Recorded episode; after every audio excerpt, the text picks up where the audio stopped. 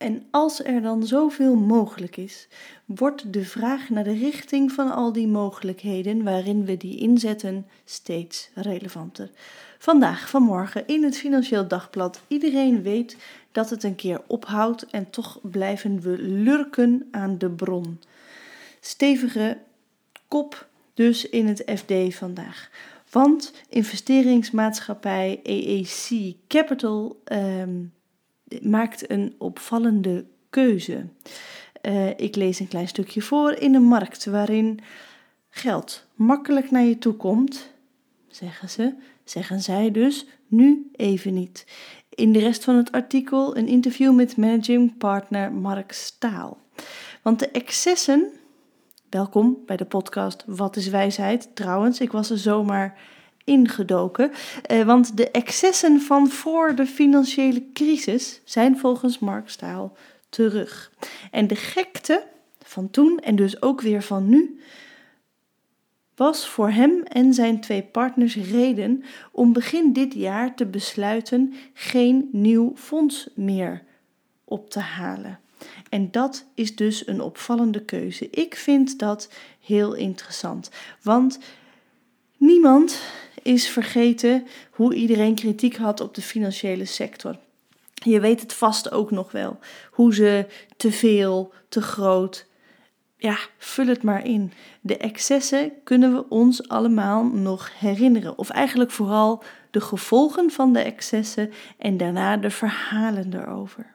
En nu is er dus een investeringsmaatschappij, AEC Capital, dat naar aanleiding daarvan zegt: Zo, laten we nu maar even niet. Even een pas op de plaats. En zo'n vorm van maat houden vind ik interessant. En misschien zit er wel een strategie achter die te maken heeft met het nog steeds negatieve imago van de financiële sector. Dat zou kunnen. Maar voor nu maakt het me niet zoveel uit. Ik denk dat er een interessant perspectief mogelijk is op deze keuze, op dit besluit. Want wanneer is het genoeg? Ik hoop dat je deze vraag ergens van herkent. Dat die wel eens door je hoofd is gegaan, misschien eens over tafel is gegaan. Want dat doet er nogal toe, hè? In al ons werk en al onze activiteiten. Wanneer is het genoeg? Welke timing vergt groei, maar dan niet dat de timing groeit, maar andersom. Welke timing vergt groei? Of om welke timing vraagt groei? Want groei is niet altijd goed. Groeien kent seizoenen, zou je kunnen zeggen. En aan dat idee zijn we nog niet zo gewend. Vrij gemakkelijk zul je beamen, terwijl je zo naar me luistert, dat groeien om te groeien sterker nog, altijd voortdurend groeien om te groeien, dat is niet goed. Laat staan dat het wijs is. Eindeloze groeiambities zijn niet alleen niet realistisch, omdat het niet altijd mogelijk is.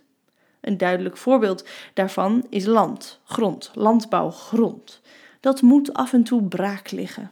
Ik kan me nog goed herinneren dat ik die les kreeg in groep 6 van de basisschool. Ergens in zo'n klas werd me dat uitgelegd. Maar op de een of andere manier raakte dat me wel en vond ik het wel een interessant idee. Dus voortdurend groeien om te groeien is niet goed omdat het niet mogelijk is. En waarschijnlijk, ik kom met de landbouwgrond zoals me dat is uitgelegd in groep 6, maar waarschijnlijk ken je zelf ook wel andere voorbeelden uit jouw professionele context. Waarin het onmogelijk is, die voortdurende groei. Dus het is niet goed omdat het niet altijd mogelijk is, maar het is ook niet goed omdat het voor de betrokken mensen altijd een pijnlijke prijs heeft. Want groeien om te groeien is leeg. En als het je dan lukt om met een hoop spierkracht indrukwekkende resultaten te realiseren, dan zal het je niet de voldoening brengen waar je stiekem, impliciet soms zelfs onbewust, op hebt gehoopt. Dat kan behoorlijk ontluisterend zijn. Misschien ken je de voorbeelden uit je omgeving. Als mensen dat tenminste al durven toegeven. dat ze na al dat werk toch niet zo gelukkig zijn geworden als was voorzien. Dus voortdurend groeien om te groeien werkt niet en vult dus niet.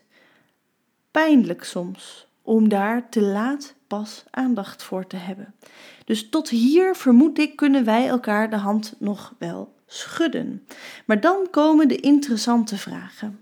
Want als het artikel van vandaag in het FD, als je dat leest, dan kun je je afvragen waardoor deze keuze, deze beslissing, een artikel in het FD waard is. Waarom heeft zo'n beslissing nieuwswaarde? En voor meer toepassing, wanneer is groeien goed? Of hoe te groeien, waarom te groeien, waarvoor te groeien. En van mij daarin nu geen praktisch advies, want dat zou weinig wijs zijn. Hoewel, het advies is daar op de een of andere manier over na te denken.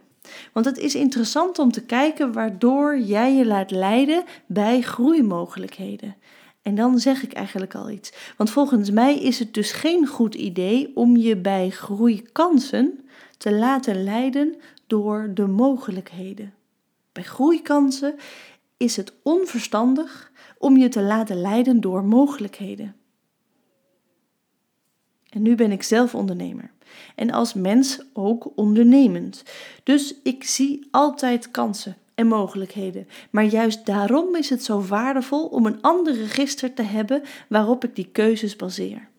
Kijk, in mijn eigen praktijk, vorige week hadden we de slotdag van de leergang Wijsheid en Impact. Prachtig was het. En in de geïnspireerde flow van het slotcollege ontstond er in mijn hoofd de nieuwe, waanzinnig geïnspireerde en voor mij zelfs ontroerende combinatie waarheid en liefde. Mijn programmamanager was er die dag ook en na de ontmoeting en de begroeting uh, fluisterde ik hem dat in en hij zag meteen mogelijkheden. Hij staat te trappelen. En de eerste schetsen van een nieuw programma ontstaan al bij het eerste kopje koffie. En als we door waren gegaan, was het idee zomaar omgezet in een briljante brochure. Portefeuilleuitbreiding. Natuurlijk. Maar ho, ho, ho. Juist niet. Op de terugweg, de volgende dag naar huis, heb ik de auto nog wel even stilgezet om een domeinnaam te registreren, dat dan weer wel. Maar ho, ho, ho. Het zou bijzonder onverstandig zijn om zomaar, nu, een nieuw programma toe te voegen aan ons curriculum. Zeker, de mogelijkheden zijn er. Het bereik, de inspiratie, de behoeften in de markt, de programmamanager, de sprekers en ook de eerste alumni die je op een goed moment graag weer een nieuw aanbod zou willen doen. Maar dan broeit, als het goed is, waarschijnlijk de vraag in je achterhoofd: waarom dan niet? En dat is precies waar het over gaat. Want als je je niet laat leiden door mogelijkheden bij groeikansen, die er dus altijd zijn, waardoor moet je je dan laten leiden? Dat is het. Er zijn andere wijsheden, inzichten, motivaties, principes, idealen die hierin veel belangrijker zijn. En voor mij hangt dat samen met mijn ambitie. Wereldwijd willen wij wijsheid en impact verbinden. Dat is onze missie. En op dit moment is verbreden daarvoor onverstandig. Beter is het versterken en ons voorbereiden op internationale impact. Want dat is nogal wat. En dat klinkt onbescheiden ambitieus. En dat is het ook. En het ongemak daarbij voel ik ook. En ik zie ook dat we er nog niet klaar voor zijn. En dat realisme, gecombineerd met het ideaal, maakt dat ontwikkeling in de breedte op dit moment niet zinvol is en we er dus niet voor kiezen. Zo werkt dat voor mij. Maar hoe zit dat bij Mark Staal? Want als managing partner van AAC Capital is het wel iets anders om je keuze op zoiets als een ideaal te baseren. En misschien was hun afweging, was zijn afweging puur strategisch? Dat zou kunnen. Maar dan nog steeds is het relevant, want waarom heeft dit nieuwswaarde? De verse herinneringen van de laatste kredietcrisis, misschien spelen ze mee. Misschien voelt de redactie daarvoor ook wel enige verantwoordelijkheid en willen ze dit perspectief over het voetlicht brengen. Maar ik denk ook dat de nieuwswaarde ligt in ons ongemak met de vraag waarom groeien en je waardoor te laten leiden bij mogelijkheden niet zomaar vanzelfsprekend is. Want welke afwegingen zijn leidend, zouden leidend moeten zijn als de mogelijkheid zich voordoet om groter te worden? Die vraag, daar zijn we niet zo aan gewend, terwijl die zo enorm waardevol is. Je zou zelfs kunnen zeggen dat het een teken is van welzijn, een luxe die zich voordoet nu we zoveel meer mogelijkheden hebben. Bij weinig mogelijkheden kun je je er misschien maar beter wel door laten leiden. Maar als er dan zoveel mogelijk is, zoals nu, worden de vragen naar de richting waarin we die mogelijkheden inzetten ook steeds relevanter. En ik hoop dat dit verhaal je inspireert om daar zelf ook eens bij stil te staan. Misschien heb je straks een vergadering en moet je keuzes maken en is het wijs om niet alleen de mogelijkheden te bekijken.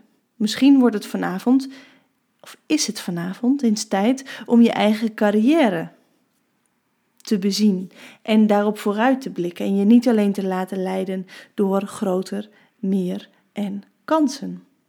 Misschien moet je je juist een beetje pushen om je idealen in de wereld te zetten. Maar waarschijnlijker is het dat je betere keuzes kunt maken om je ideaal daadwerkelijk te gaan belichamen.